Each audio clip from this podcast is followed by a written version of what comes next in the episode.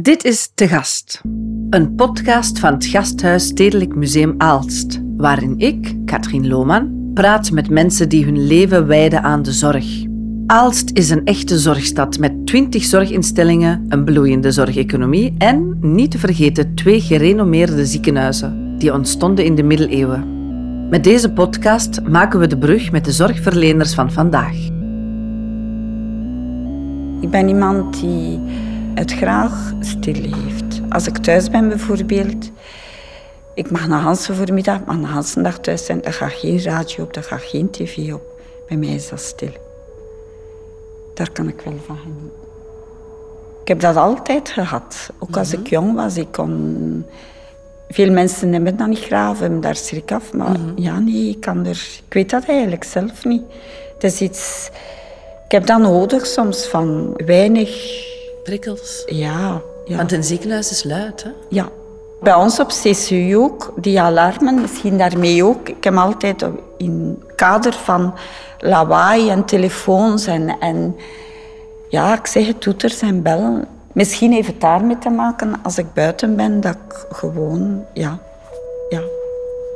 Geen prikkels of gewoon de stilte. Ik kan er echt wel van genieten.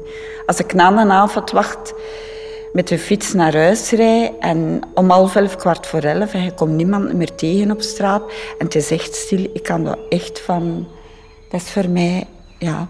Sommigen gaan naar een wellness-VZN-moment. Dat is dan mijn zen-moment. Allee, ik wil maar hebben. Ja, dus ja.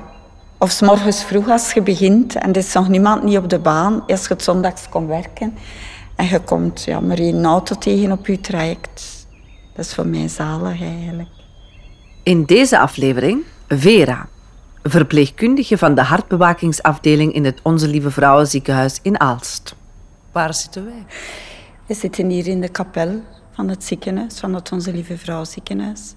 Een heel mooie kapel die eigenlijk toch wel heel veel rust uitstraalt, vind ik persoonlijk ook, binnen het ziekenhuisgeheel. Vroeger waren de zusters hier meer aanwezig, ook als beeld in het ziekenhuis. Sommige op verpleegafdelingen, zuster in de wasserij, ook als hoofd. Zuster Benedicta in 1984 heeft mij een tijd was hoofd van verpleging.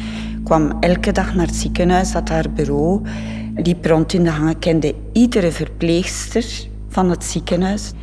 Iedereen kende ze bij naam en bij toenaam. Ze wist ook waar dat je werkte. Als ze in de hangen passeerden, ze zou je een keer aangesproken hebben. Dus de zusters waren heel aanwezig in die periode, in de jaren 80 en 90, ook nog in de verpleging. De laatste jaren eigenlijk niet meer. Ondertussen zijn ze ook verhuisd naar het rusthuis, naar Avondson. Maar op alle momenten van de dag konden eigenlijk, als je ziekenhuis liep, een zuster tegenkomen. Bijvoorbeeld zuster Benedicta, die na uw avonddienst nog tegenkomen aan de ingang, want zij gaf de katten, er liepen hier katten rond, gaf zij eten, s morgens en s avonds. Dus dat was ook een van haar momenten, dat ze soms kon tegenkomen aan de ingang van het ziekenhuis. Nu zien wij die personen niet meer, maar eigenlijk zijn zij wel de basis eigenlijk van alles, de Zwarte Zusters. De Zwarte Zusters, toen nog maar met twaalf, vestigden zich in 1474 aan de graanmarkt om de pestepidemie te bestrijden. Pas in het begin van de 20e eeuw waren de besmettelijke ziekten beter onder controle, waardoor de Zwarte Zusters minder werk hadden en een andere weg insloegen. Ze kochten het château de Mijlbeke en openden in 1904 het geneeskundig gesticht Onze Lieve Vrouw. Voor elke aandoening wierven de Zwarte Zusters een specialist aan.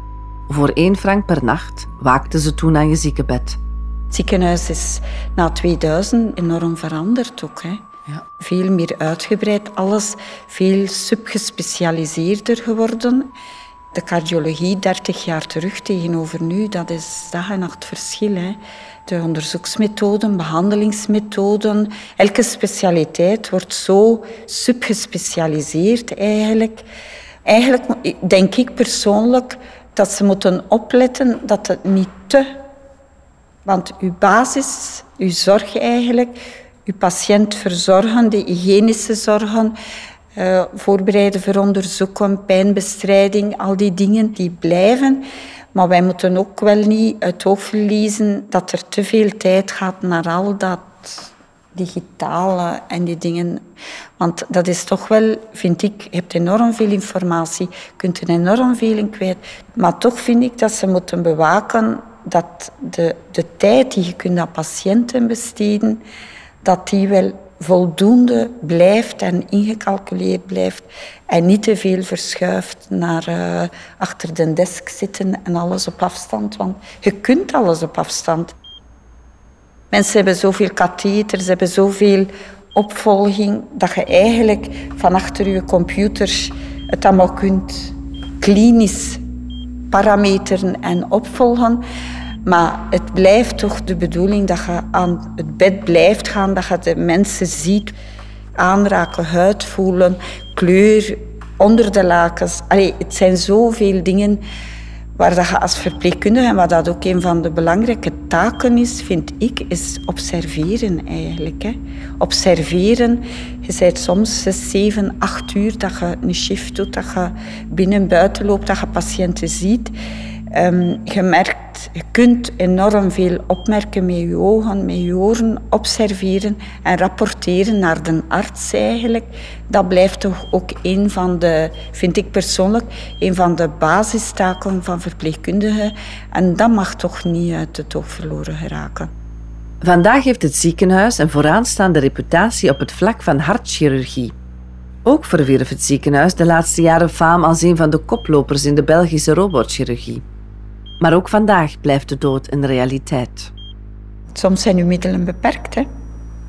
Als iedereen kunnen helpen, ja, iedereen bleef leven. Soms kom je in situaties waarvan dat je weet van, ja, dat gaat hier hopeloos zijn of uw middelen zijn ja, beperkt. Hè?